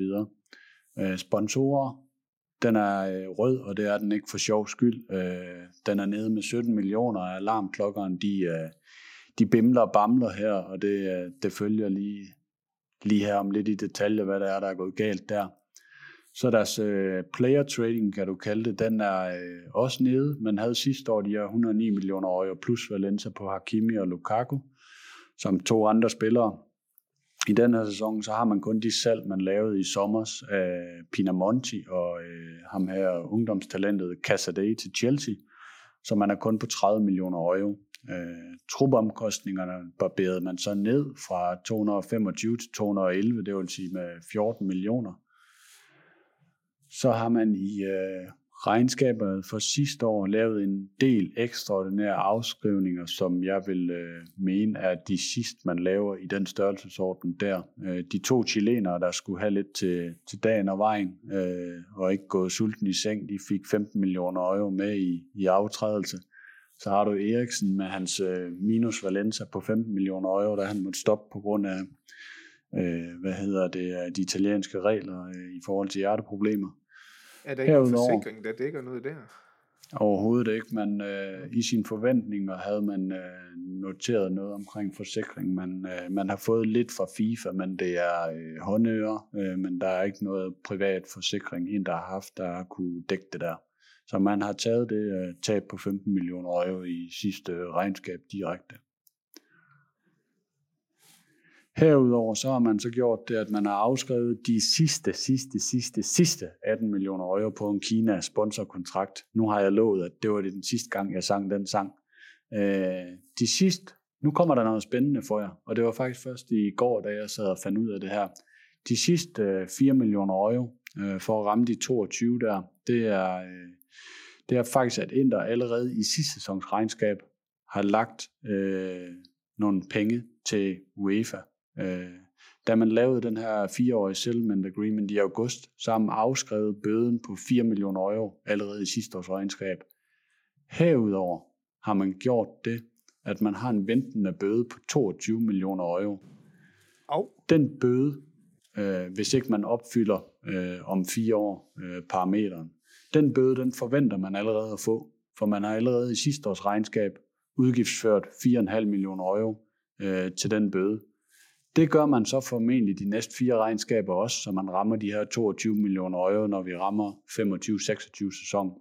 Så UEFA, de kan tro med den bøde der, øh, og det kommer egentlig bag på mig, at Inter, de egentlig allerede har sagt i deres bøger og i deres udmeldinger, jamen den, den må vi regne med, at vi skal betale. Men siger du, de, de har den i hvert regnskab de kommende år? Ja. Der er en grund til, at beløbet i sidste års regnskab hedder 4,5. Det kan vi jo gange med 5 over de næste fem perioder, altså sidste års regnskab plus de fire okay. næste, inden der er en fireårig settlement agreement. Så derfor så tror jeg simpelthen, at man bare booker 4,5 øh, de næste, de, de kommende fire år også. Men man kan jo sige, det er jo ret tid omhu at, øh, at, at gøre sig klar, ready for impact for sådan noget. Det har jo selvfølgelig været bedre, at de har bragt tingene i orden. Men, men, men det, er jo en, det er jo en ky, det er jo en realistisk måde at tænke på at se, det, vi når ikke omstille i tide, så, så, så vi har den jo inde. Det, det, er jo, det er jo sådan set okay. Jeg, jeg, jeg tror også, det er rigtigt nok, for jeg kan allerede, jeg kan allerede nu godt afsløre, at ind og ramme 60 millioner euro minus set hen over tre år, det kommer aldrig til at ske. Det er fordi det er også, jeg troede jo, at I skulle ned i underskud, og nu ser det ud til, at i din sådan back of the envelope her, at det faktisk går en lille smule op. Det er jo ikke så nice. Ja, man kan sige, at jeg har ikke taget nogle ting med her omkring, øh, hvis du går videre med Porto, så er der 10 millioner euro. Så ja. kommer der en Supercup, du også skal lægge ind i det, og noget Copa Italia og sådan noget. Så, så det er egentlig bare for at sige, at status er, at uden øh, mere player trading i bøgerne, men allerede har nu, jamen så er Indus 2023 forventet regnskab, det er i omegnen af 150 millioner euro i minus. Øh, men det illustrerer egentlig bare, at forskellen fra sidste sæson til den her sæson, det er faktisk Hakimi og Lukaku, som groft sagt, og ikke rigtig mere. Nej. Øh, bemærk gerne i øvrigt renter dernede på 49 millioner euro om året. Man lå på 35 millioner euro sidste år. Øh, så har man været ude og refinansiere øh, der i januar. Det har givet lidt mere. Men det der også er i de der 49 millioner euro, snyder måske lidt. Øh, man har noget factoring på Hakimi og Lukaku for at få de penge hurtigt ind, fordi man har brug for dem til likviditet. Og det er, øh, det er 9 millioner euro ud af de 49. Så reelt ligger man måske på 40 millioner euro, og jeg tror, CA-mæssigt, hvis du kigger der, nu tror jeg, Brian han sagde sidste afsnit, de lå ikke rigtig på noget, Brian, vel? Nej, det, nej 28, ja. hvis det er helt rent. Og sådan. Ja, men det er jo den samlede gæld. Så, så renter må jo ligge utrolig lavt. Altså jeg ved, Juventus, Juventus betaler omkring 17. Ja. Du har, øh, du har Roma på, Roma på 35, som kun er oppe i nærheden af Inter, så tror jeg, de andre de ligger fra US 17 øh, og så ned efter der. Øh, så det, det, det er uholdbart, og det, det kan jeg også lige komme tilbage på. Vi har aldrig snakket digital bits der. I sommer der sad vi og var så frygtelig enige med den her flotte rarmand fra Digital Bits, som vi inviterede ind i os. Ind i os hellige lokaler i Milano, fordi han var så sød og rar at lave en treårig sponsoraftale som hovedsponsor med 24, 27 og til sidst 30 millioner euro lige ned i øh, den slunkne kasse. Digital Bits de havde lagt øh, 18 millioner euro øh, året for inden som det, man kalder official cryptocurrency sponsor, og også som sleeve sponsor. Og nu forhøjede de så lidt. Øh, så sker der så også det, at øh, Suning ryger ud som sponsor på træningstøj, og som træningscenter sponsor. Og der kan man bare se, hvor godt det der hul, det er lukket over fra Kina-land. Den kontrakt, den ophører, og den måtte man bare ikke forlænge. Så derfor røg der også lige 8 millioner euro væk der. Det positive for Inter i sommer, det var, at man havde en rigtig god vækst på 17 millioner euro på syv nye official et eller andet inden for deres branchesponsorer. Og så lignede det jo mere eller mindre samlet vores 21-22 tal på 68 millioner euro i direkte sponsorater. Omkring de der 70. Så alt så godt ud. Øh, 70 millioner euro, lad os bare sige med det samme, det er uhyggeligt lavt i europæisk kontekst. Øh, Inter lå på 145 millioner euro i 18-19, så de der 175 millioner euro, der er væk fra Kina. De gør bare næs her. Det var sådan, det så ud i sommer, men som jeg har skrevet der på sliden, øh, det er, at shit is about to happen. Øh, så hvis, øh, jeg kører videre. Så hvis man, hvis man lige tager den videre, så, så hvad skete der så i sommer? Stigende renter i Ukraine og Øh, eller undskyld, stigende renter siden, øh, siden Ukraine-krigen, kan du kalde det. Øh, det smadrer Digital Bits værdi med 98,5 procent hen over sommeren øh, efter en, der har lavet den her aftale med dem. Øh, så de har så valgt øh, ikke at betale de to første rater på 8 millioner euro, så 16 millioner euro mangler vi i kassen på det her tidspunkt. Så den sidste rate på 8 millioner euro, den betaler de sgu nok heller ikke. du tror ikke, de de to første år, og så napper den sidste? Nej, ej, det er chancen nok ikke så stor for, men okay. uh, Inders officielle regnskab, der tror man med rettens vej. Man har fjernet sponsoren synligt fra nogle steder på træningsanlægget, på nogle bander osv. Øh, man har også fjernet dem fra hjemmesiden i periode. Om de stadigvæk er det, det ved jeg ikke. Men indtil videre vælger man at beholde dem på trøjen, og det gør man nok, tænker jeg, fordi man vil stå bedre i en retssag, hvis man kan sige på det tidspunkt, at jamen, I fik synligheden i hele sæsonen, selvom ja. I ikke havde betalt, så kan man worst case få 0 millioner euro ud af det her, fordi de simpelthen ikke, der er ikke noget at komme efter. Uh, best case, en del kan man få tilbage af det aftalt beløb for den her sæson. Men en, der uh, har gået lidt med livrem og sæler og regner med 0 millioner euro uh, fra Digital Bits, uh, som vi jo kan introducere de kære lyttere for, at de har siddet valgt imellem Roma, Roma eller Inter, hvor vælger vi at betale. Øh, så de har så valgt at gå sydpå i Italien og betale for Roma, og ikke betale for Inter. Det er også meget mærkeligt, fordi Digital Bits, altså det lyder på mig som om, at øh, de der kryptobørser der, de, øh, der er rigtig mange af dem, der er ikke kæmpe problemer, inklusive Digital Bits. Og, og så fortsætter de et sponsorat, men ikke et andet. Altså det, hvis man tænker sådan Jamen, altså, jeg ved, ikke, hvad det, jeg ved ikke, hvad deres forsvar i en eventuel retssag vil være. Altså, hvad fanden, det giver ikke mening. Der har været nul udmelding fra dem. Jeg tror sågar ikke engang ind og høre noget fra dem øh, overhovedet. Så øh, hvis, hvis du vågner om to dage, og du får at vide, at de er gået konk, øh, så, så vil jeg ikke blive overrasket et sekund. Nej. Thomas, er det ikke nyt, at øh, Nike fortsætter? Har der ikke været forlyden om, at de øh, vil stige ud? Nej, øh, de øh, har faktisk, øh, ja, øh, man kan sige her, at øh, kort før jul får man så eBay ind som øh, den her sleeve sponsor øh, til 5 millioner euro. Summa summarum er bare, at fra man gik ind i den her sæson og ind til hvor man står i dag, så er man 19 millioner euro lavere, end da man startede øh, sæsonen, og det larmer bare. Øh, er der så lys for enden af tunnelen, som Brian han siger Nike, Øh, der er lys for enden af tunnelen, fordi man har allerede været ude og sige, udtale Antonello flere gange, at man forventer 23-24 sæsonen, at der rammer man de her 30 millioner euro øh, på Nike-aftalen med den nye kontrakt. Den udløber først efter den her sæson, så man har ikke kunne forlænge den før. Øh, Moratti han var så sød dengang at lave en 10-årig aftale til 12 millioner euro inden han øh, hoppede ud af butikken. øh, så man har bare været bundet af den indtil og med den her sæson. Men man har allerede meldt ud, at man regner, som Antonello han siger, det at med den aftale, nye aftale med Mike, Nike, så kommer vi øh, op i Europas top. Der tror jeg, ja, der tænker han måske fraset Juventus Italiens top, ja. som er de der 30 plus 30 det i år under det halve af, hvad Europas top får på et uh, trøjesponsor, eller trøje kit, kit sponsor. Det er nemlig rigtigt. Der, øh, men der er jo en ting her, som, øh, som er med til at forklare historien her, fordi hvis vi kigger på, nu, nu ved jeg godt, det er korrigeret her til 51, men lad os bare sige, at vi så havde, de havde holdt fast i de 70. Men du havde lige en ting på det foregående slide her, som jeg synes var rigtig interessant, som var, at i 1819, altså inden corona, der lå man på 145, og har formentlig regnet med, at man skulle vækste, altså satse på at ramme 200, ikke? Og nu ligger man i stedet for på 50. Det, så, så mangler der lige 100, 150 millioner euro, plus hvad corona har nappet plus, altså, så er det sgu svært at styre en butik. ikke? Jo.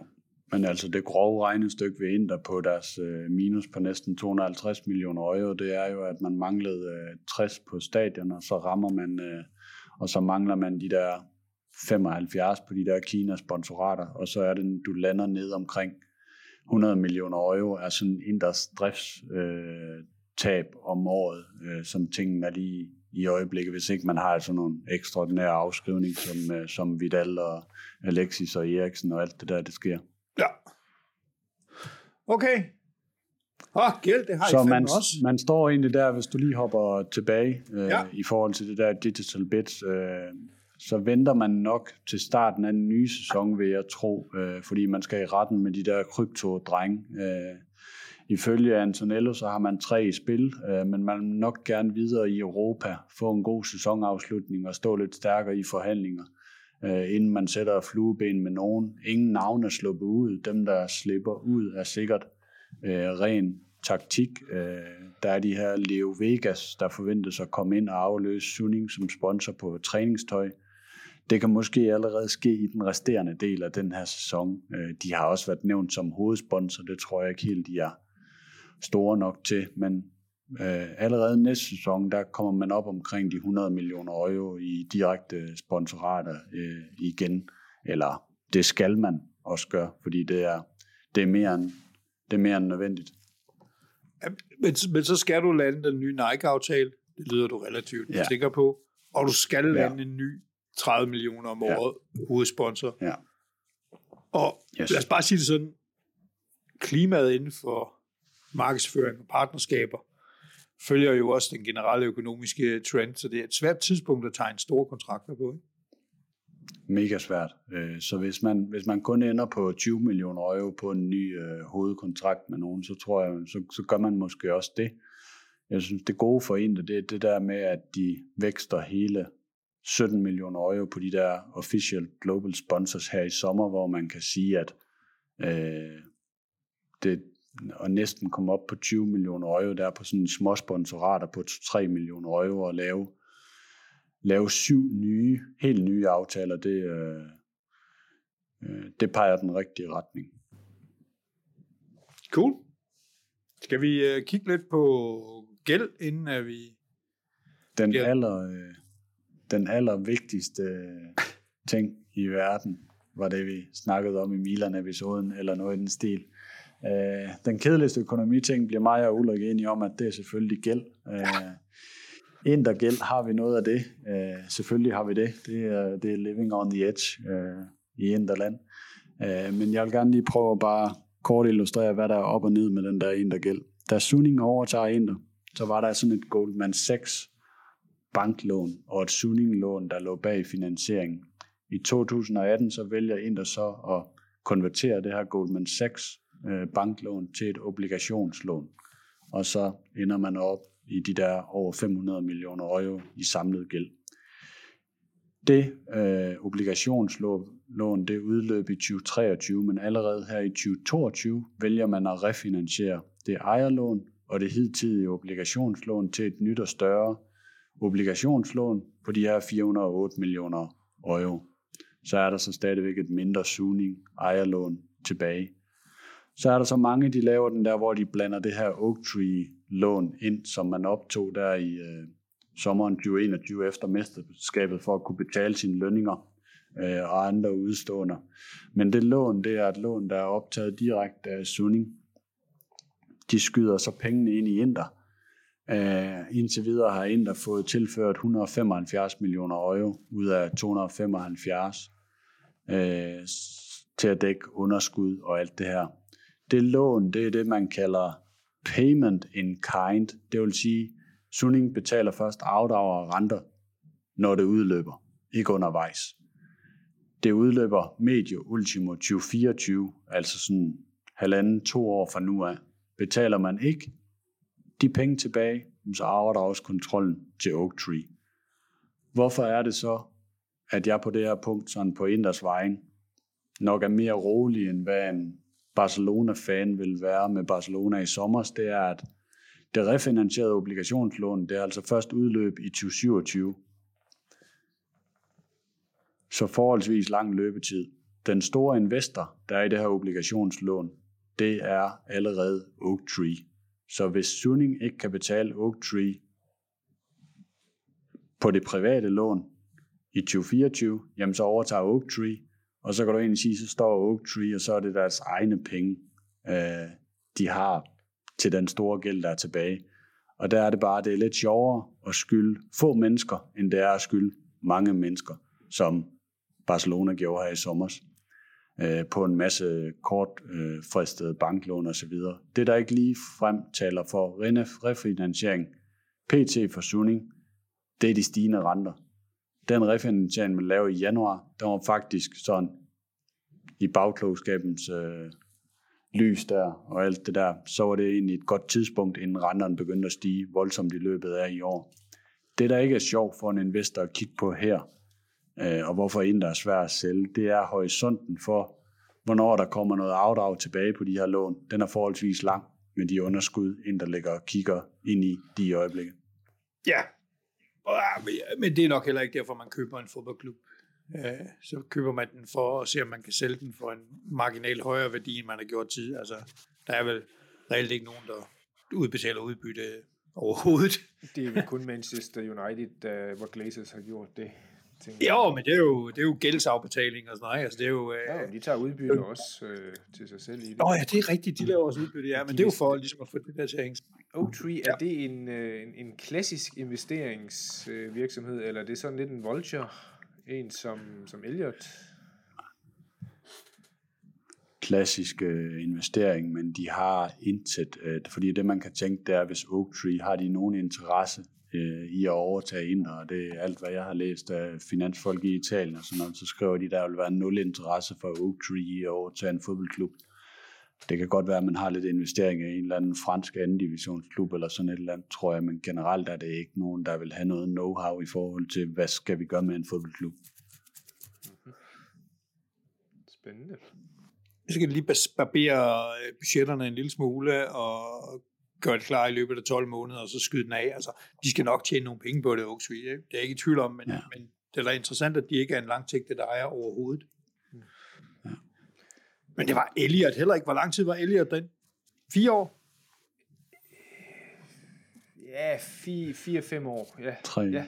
Det, nej, men jeg, tænker, at situationen er jo den samme. Altså, Elliot har jo nul øh, interesse i, i en sportsklub, specielt ikke en, som i den grad bare øh, lå og blødt penge som sådan. Så, så jeg tænker, det kan jo godt være, at Oaktree måske kigger lidt på Elliot-casen, og så sige, jamen, vi aner ikke en klap om det her, vi skal have nogle ekstremt dygtige folk ind, og så skal vi lave en turnaround, og så sælger vi den med 20-30% øh, marginal gains der, ikke?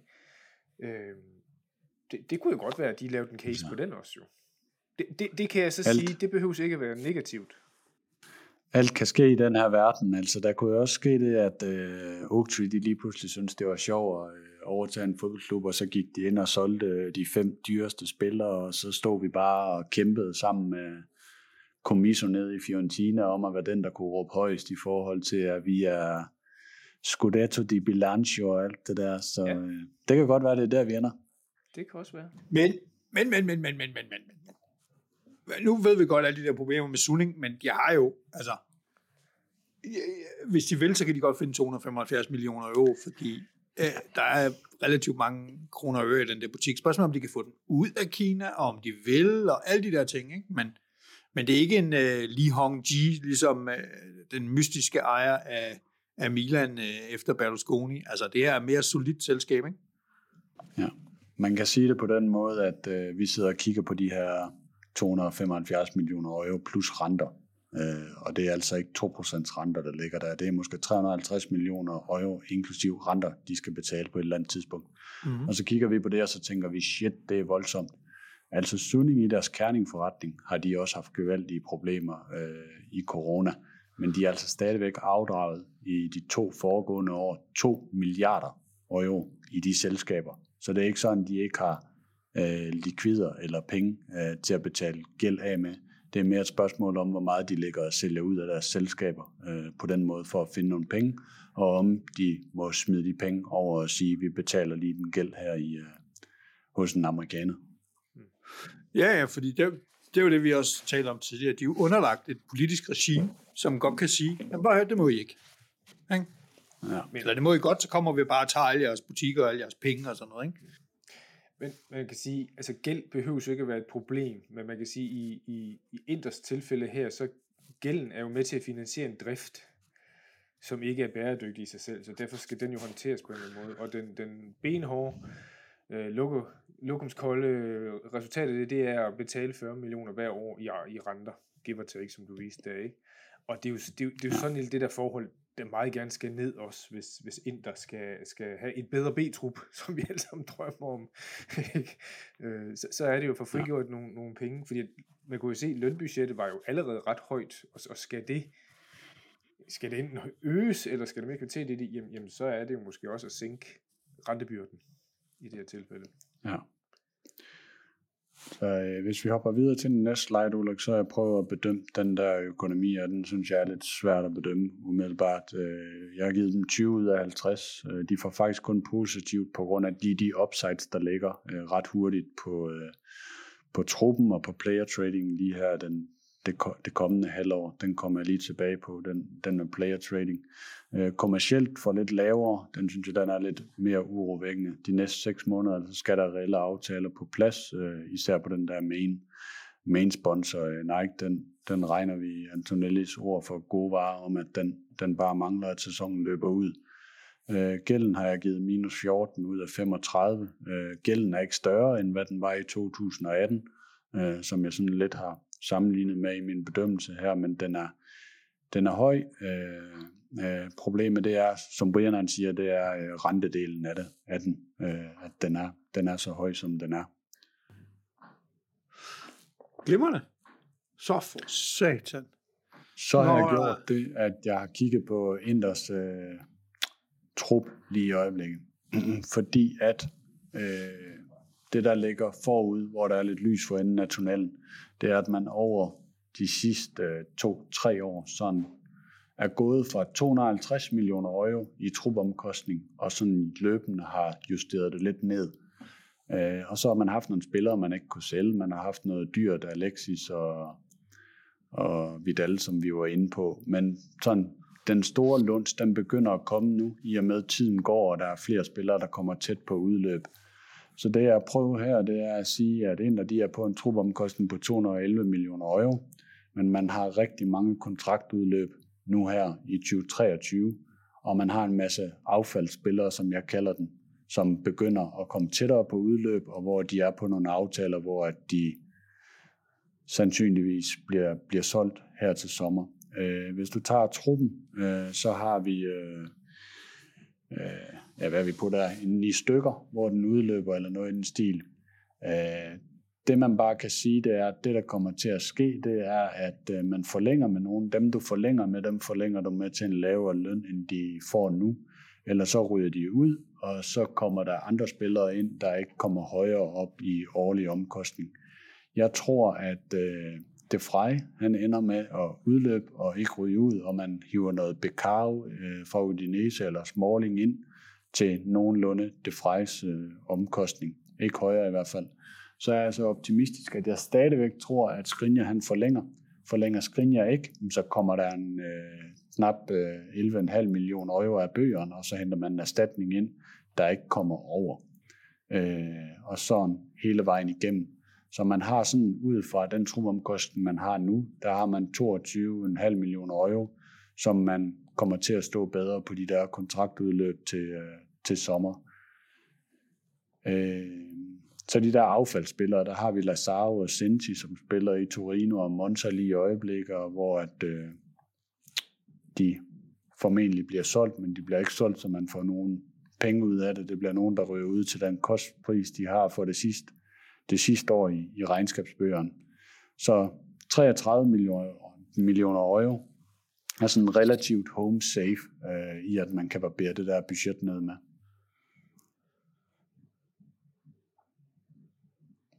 Ja, Hvis du lige prøver at hoppe videre til den næste, fordi det er det mere usikre, der kommer til at ske nu. Øh, spillersalg. Hvis man på driften ligger omkring 150 millioner euro, jamen så er det sikkert så mange i kirken, at man skal lave et spillersalg øh, til sommer, og man skal nok også lave et mere. jeg er ret sikker på, at den gode flyvende hollænder Dumfries, at han øh, rører ud til sommer. Øh, det vil jeg godt øh, sætte, øh, sætte et relativt stort beløb på. Øh, og jeg håber, at man øh, også kan få øh, ham her, den argentinske øh, Asado, øh, kødgrillende verdensmester Korea. Hvad skal han sælges for sådan en øh, krabat? Midt ud af butikken. Han skal ud for noget, der ligner 5, 15 millioner euro, for at man ikke taber penge på ham. Ah, keep øh, dreaming. Keep dreaming. Vi kan godt tage et tab på ham, og så stadigvæk øh, se godt ud der, fordi... Øh, Hvor gammel er han? Korea er 28. Er han ikke ældre? 28, Nå. max 29. Så, øh, så han er i sin peak, hvis han kunne finde ud af ikke at blive skadet. Øh, så det arbejder han lige på et halvt år, så er jeg sikker på, at det er ham, man, øh, man gør alt for at skyde afsted sammen med Dumfries her til sommer. Og så arbejder man alt på, hvad man kan få i at få Markus Thuram ind øh, på en, øh, en nogenlunde høj løn, men ingen, øh, ingen transfer fee. Og hvis ikke det er ham, man lander, så lander man en, der kommer ned i det niveau der, øh, enten ved at tage en af sine øh, unge spillere ind som den her fjerde mand i truppen. Så er der en Lukaku, fordi hvis ikke man kan komme af med Korea, men man kan få Thuram, så tror jeg faktisk godt ind, der kunne stå et sted, hvor man vælger at sige Lukaku, så må du hoppe tilbage til Chelsea øh, næste sæson. Vi laver ikke en ny låneaftale med dig. Hvis ikke du præsterer i det her øh, forår, øh, så betaler vi ikke 20 millioner euro til, øh, til du går, øh, går her i Milano og ikke rigtig præsterer, som vi kender fra nogle, nogle år siden. Men man kan også hente lidt øh, på de spillere der, men summa summarum, det er, at man skal have 50 millioner euro ind i det der plus Valenza på nogle spillere i, i det niveau, der er 55, 50-60 millioner euro plus Valenza. Øh, fordi så barberer man også sine troomkostninger ned med, med sådan 45-50 millioner euro øh, samlet set til, til, det, til sommer, og det er helt sikkert det, man går efter. Fordi man skal ned et sted, hvor at man øh, er omkring de der 90 millioner euro i minus, og det kan du kun komme ved at lave, lave de her spillersalg. Hvorfor tror du det primært er Dumfries, der ikke? Øh, det kunne, måske, det kunne måske være en Barella, det kunne måske være en Latau. Jeg tror, øh, jeg tror at Dumfries er der et øh, marked for i England, plus at det nok er den position, hvor at man tænker, at her taber vi mindst samlet set kvalitetsmæssigt, hvis vi øh, sælger ham. Jeg vil sige, at øh, det er sværere at sælge Korea for 15 millioner, end det er at sælge Dumfries for 60. Altså, ja. der er et marked for de der, de der spillere, som ligger højt, ikke? Der, og som er efterspurgte og har den rigtige alder og alt sådan nogle ting der. Ikke? Og, så, og så er det bare pisse svært, når man har en spiller, som, selvom man jo, ja. nu har vi lige fundet ud af, at han er de der 29 måske, ikke? men ah, jeg kan simpelthen ja. ikke se, hvem fanden der skal sælge ham.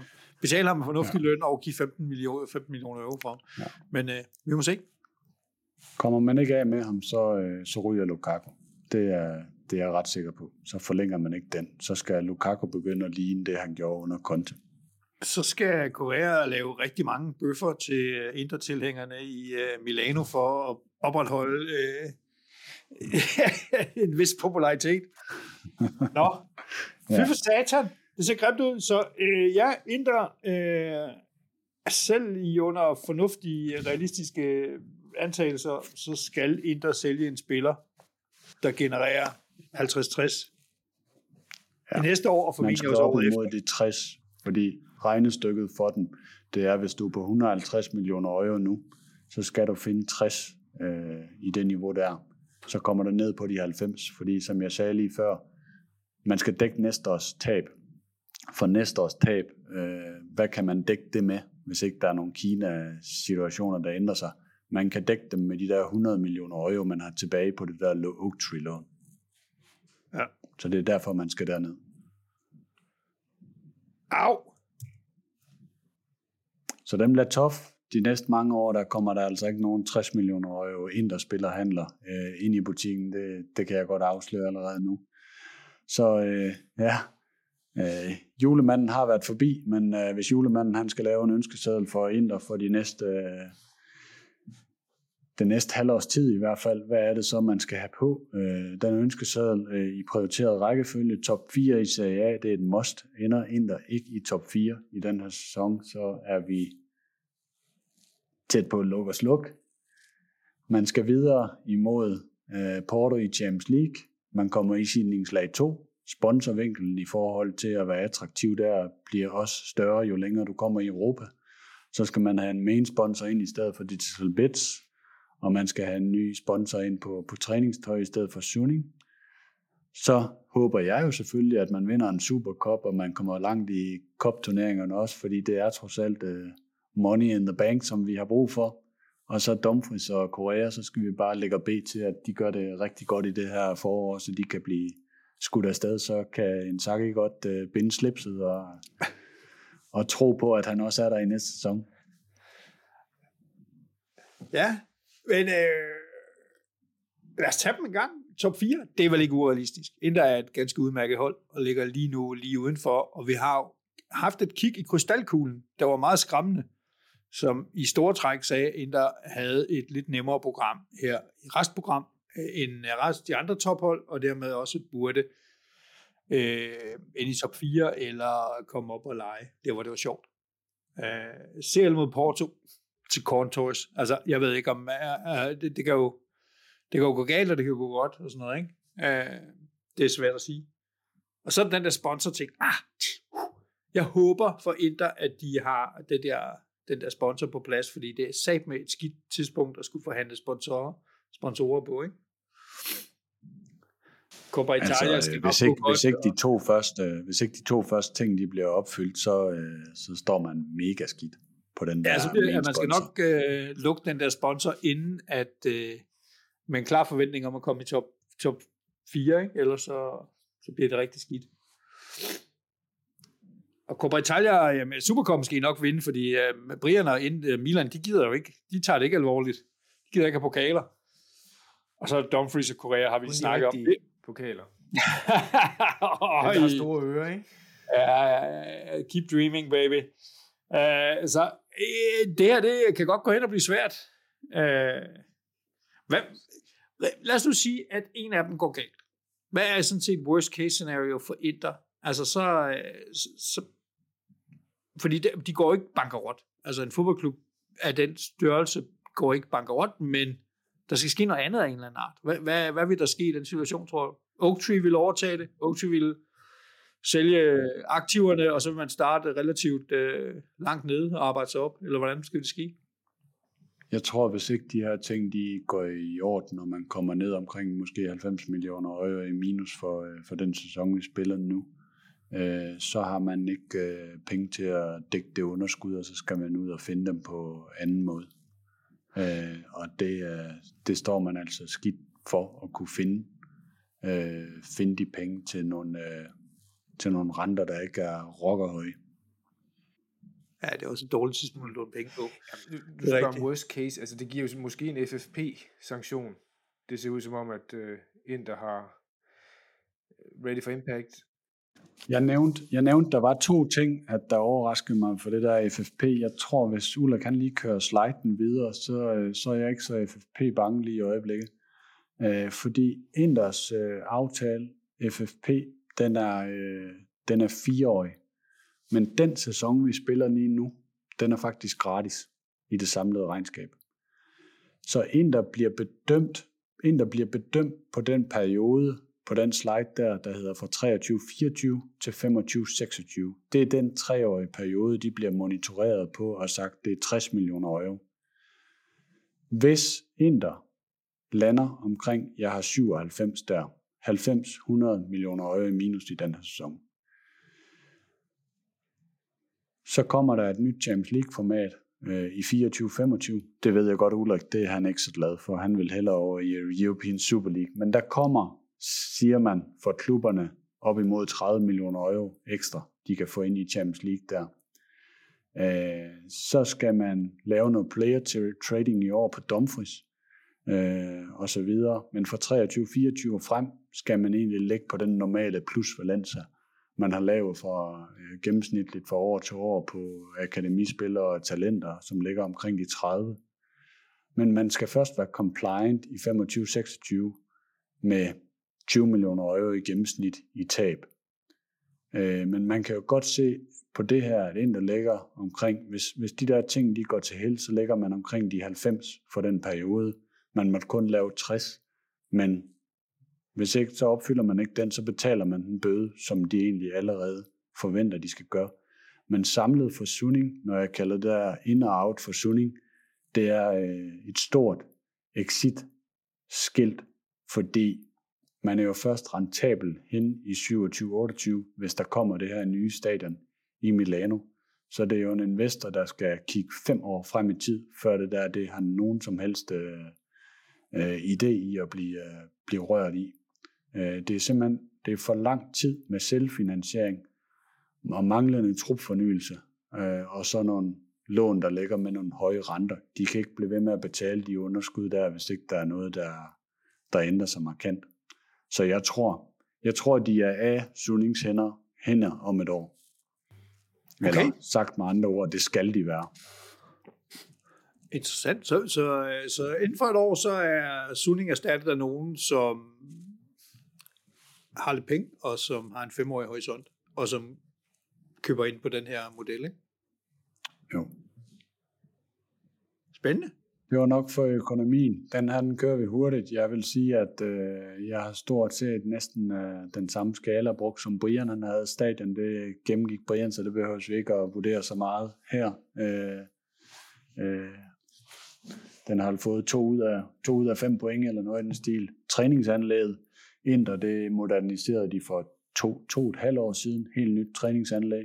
Øh, så den øh, har fået 24 ud af 30 kommunikation med presse. Øh, den har så kun fået 3 ud af 5 point på den skala.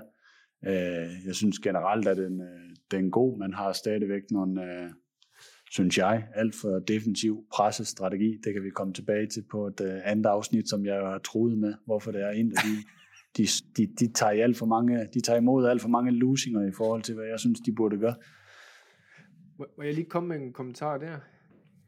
Ja. Og det er måske ikke så meget i forhold til pressestrategien, men, men kommunikationen vedrørende den der kampagne, de kørte Not for Everyone, som, som, som Inter kørte. Jeg kan godt forstå, hvorfor konteksten er med det, men den virker bare fuldstændig kontraproduktiv, når du har Inter Brothers Universal Unite, ikke? Altså, og så have sådan en der. Den, det, det, vi har snakket om den før. Jeg synes jo, den sidder spot on. Altså, jeg synes jo, den er... Jeg kan altså, godt lide den. Hvis du, er, hvis du er lillebror, og du til gengæld er sådan en acquired taste, øh, jamen så skal du vel slå på det, i stedet for at prøve at være øh, så, så, skal du jo Venstre bare... eller Socialdemokratiet og prøve at være et folkeparti, ikke? så skal ja. du til gengæld være en niche. Jamen, den, den holder bare ikke, Ulrik, fordi de har jo ikke frigjort sig for den anden, der hedder, at de er Brothers Universal. Altså, de er internationale. Altså, alle er velkommen her jo. Så skal du, så skal du ja, tage det brud, og så sige, det er vi Det er der jo ingen, der tænker på, er der det? Øh, vi er da nogle gamle ronkadorer, der kan huske lidt længere tilbage end fem år, der husker sådan noget, ikke? Til det. Jamen, jeg, jeg synes bare, det, det, er igen lidt et eksempel på, at man prøver sådan lidt at være to steder, og jeg kan godt forstå, hvorfor man gør det, men man tænker måske bare ikke på den der arv og gæld, man har med sig, og prøver ligesom at gøre det elegant fremadrettet. Det, det synes jeg falder lidt tilbage til en ledelse der også, ikke? For jeg kunne godt forstå den, den gjorde det i det tidspunkt der, hvor, hvor der var noget racisme og det ene eller andet i det. Men det kunne godt have været håndteret bedre. Ja, det bliver vi sgu ikke enige om. Jeg, jeg synes, den sidder spot on på Inter, den der Not for Everyone. Altså, det er, det er faktisk nærmest, nærmest lidt elegant, vil jeg sige. Ja, det, det, det bliver vi så slet ikke enige om. Nej, jeg synes, det de, ja, i forhold til Inters kvalitet. In, Juventus kunne have kørt den. Roma kunne have kørt den. Alle kunne have kørt den.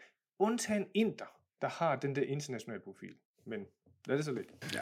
Okay, Thomas, ja. kør den her i mål. Sociale medier. Øh, 18 ud af 30 point. Der er stadigvæk øh, meget, meget at komme efter. Man har bevæget sig rigtig meget digitalt.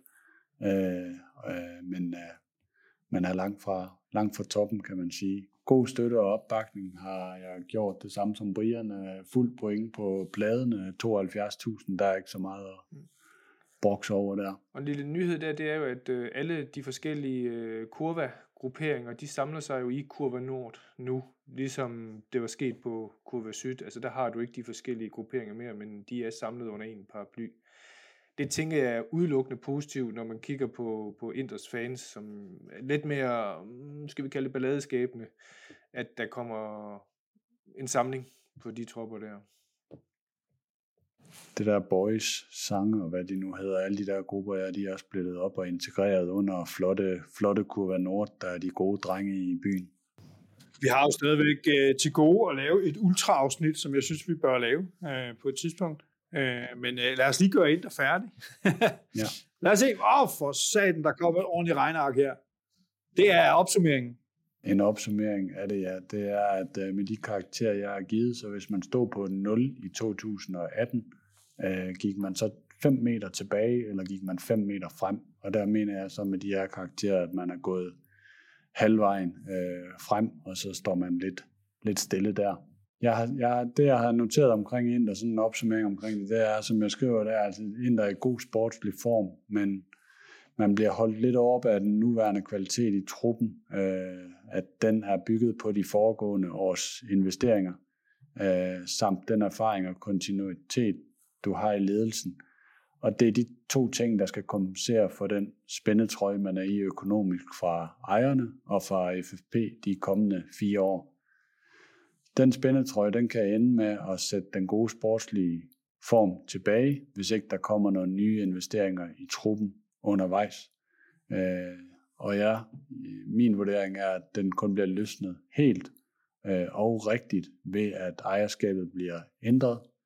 Der ligger et nyt godkendt stadionprojekt. De to ting hænger sammen. En, der bliver ikke solgt, før der er et godkendt stadionprojekt. Samt ved at få en ejer ind, der kan løfte øh, klubben kommercielt og få den her sponsordel højere op. Derfor er min vurdering de der 2,85, eller det tal, vi, vi kan stige os blind på. Hvis jeg kigger, hvis jeg kigger på, ignorerer alle de her tal og sådan noget, så bare grundlæggende kigger på, Inter 2018, Inter 2022-23, jamen så er det jo rigtigt, at man har et væsentligt bedre fodboldhold, og man klarer sig sportsligt væsentligt bedre. Men vi har også lige snakket om øh, risiko for øh, øh, nærmest øh, konkurs og brandudsalg og alle mulige ting, ikke? Så det virker måske øh, sådan bare intuitivt en lille smule højt, øh, hvis jeg skal være ærlig. Øh, eller, eller både ekstremt meget af det sportslige. Ja. Det, er, øh, det her halvår, det bliver make or break. Hvis vi laver sådan noget her igen på den anden side af sommerferien, når vi ikke er i top 4 der, så, øh, så står der nok minus foran det tal der. Jeg vil også sige, at tidsfaktoren er, er vigtig her, for jeg kan godt i det der femårige periode nogenlunde se det der tal øh, 2,8 øh, for mig. Men på et halvt år, øh, ja måske et år faktisk, ikke, så, så kan det godt vendes til minus, fordi at, at Inders projekt er ikke robust. Det, det kan gå godt, men der er del med mange usikkerheder i, hvordan det kan fremadrettet gå på det. Altså der, hvor de er nu, er jo egentlig fint nok, men, øh, men, men, men fremtiden ser noget, øh, noget dyster ud i det. Lån, investering, stadion, som vi jo fandme begge to hiver hårdt ud af når de der skide byråkrater i Milano Kommune, der ikke gider bare godkende tingene, ikke, og vil have 100 millioner investeringer ekstra oveni, ikke? Men man kan jo sige, at det der måske er det, det projekt i Italien, der er mest båret op på, øh, på at man skal præstere sportsligt nu her, øh, og ikke har råd til en fejl sæson, hvor man misser Champions League, øh, på grund af fundingproblemerne fra ejerne. Øh, hvis Ulrik kan kommer for de der 230-40, hvad I nu vælger at ende på, Ulrik, så, øh, så kan jeres vej dernede også synes lang, men I har bare ejerne, der dækker de underskud der øh, undervejs. Ja, og så har vi nogle langsigtede sponsoraftaler, som ligger på et øh, niveau, som måske ja. er højere end hvad vi fortjener. Øh, så der kan vi også se, når vi kigger på de kommercielle indtægter hos Juventus, det er ganske fine i forhold til i hvert fald jeres to klubber.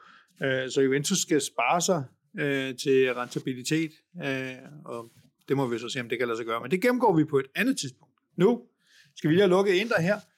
Øh, fremgang, specielt på den sportslige side, øh, sorte skyer over økonomien og ejerskabet.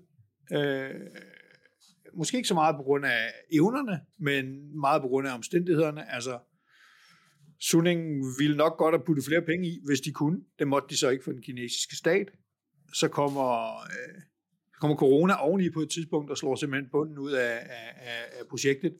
Jeg synes, det var, jeg synes, det var meget interessant, det der, vi snakker om helt i starten for lang tid siden, at, at Indre sådan set var begyndt at give sig til en tilværelse med bedre sponsorindtægter og bedre kommersielle indtægter, og så bliver begge dele lige revet væk, og så står man bare tilbage med bare røv, ikke?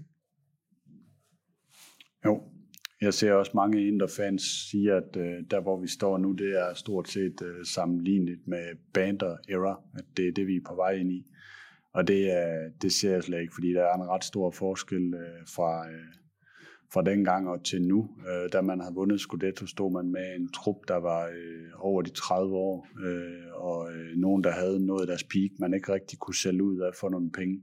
Øh, man har rigtig, øh, man, hvis man ender i den situation og skal sælge ud, så har man den her gang en 5-6 håndfuld spillere, øh, som man stort set ikke rigtig øh, skylder noget på, men hvor man kan generere øh, nogle penge og komme ud af det, komme ud af det den vej. Øh, men, øh, men den er meget sportslig øh, betinget, så øh, det bliver interessant øh, 6-7 måneder, vi har foran os. Det er en ikke uvæsentlig kamp, der skal spilles 4. januar. Vi starter hårdt ud. Det er sådan, vi kan lide det. Lige præcis. Er der flere ord til Indre? Det var øh, først og fremmest kanon stort stykke arbejde, Thomas, øh, hvis man, øh, det skal nok sige på et andet tidspunkt, men man bør jo virkelig se det her på YouTube, fordi så har man også mulighed for at se de her slides og alt det der arbejde, der er lagt ind i det, fra øh, både ja, primært en masse, masse, masse, masse, masse gode fakta, og nogle øh, små, der er både gif og alle mulige spændende ting her. Det er en præstation. Vi skal nok lægge den ud, når vi kommer så langt. Var det det for i dag? Lad os øh, lukke for lillebror. Ja, så vil jeg sige øh, rigtig godt nytår, uanset om det her kommer ud den 31. eller den 1. Vi satser på, at vi kommer ud, så folk kan gå og lytte til det, mens de forbereder nytårsmiddagen, og måske åbne for det, når de ligger 1. januar og er i overhængende livsfar. Ja, det her det kan til hver tid erstatte uh, skihodrop fra Garmisch-Partenkirchen, ikke? Man kan sågar se skistop, og så have også kørende på second screen. Oh, ja. uh, så, bliver det, så bliver det rigtig lækkert, ikke? Yes. Nå, jamen, uh, så vil jeg stoppe sharing her, sådan der, og sige Tusind tak for i dag. Det var en fornøjelse. Det var Godt nytår. Tak for det. Godt nytår. Noi saremo qui nerazzurri, pazzi come te nerazzurri, non fateci soffrire, ma va bene, vinceremo insieme. Amala, pazza intera mala, è una gioia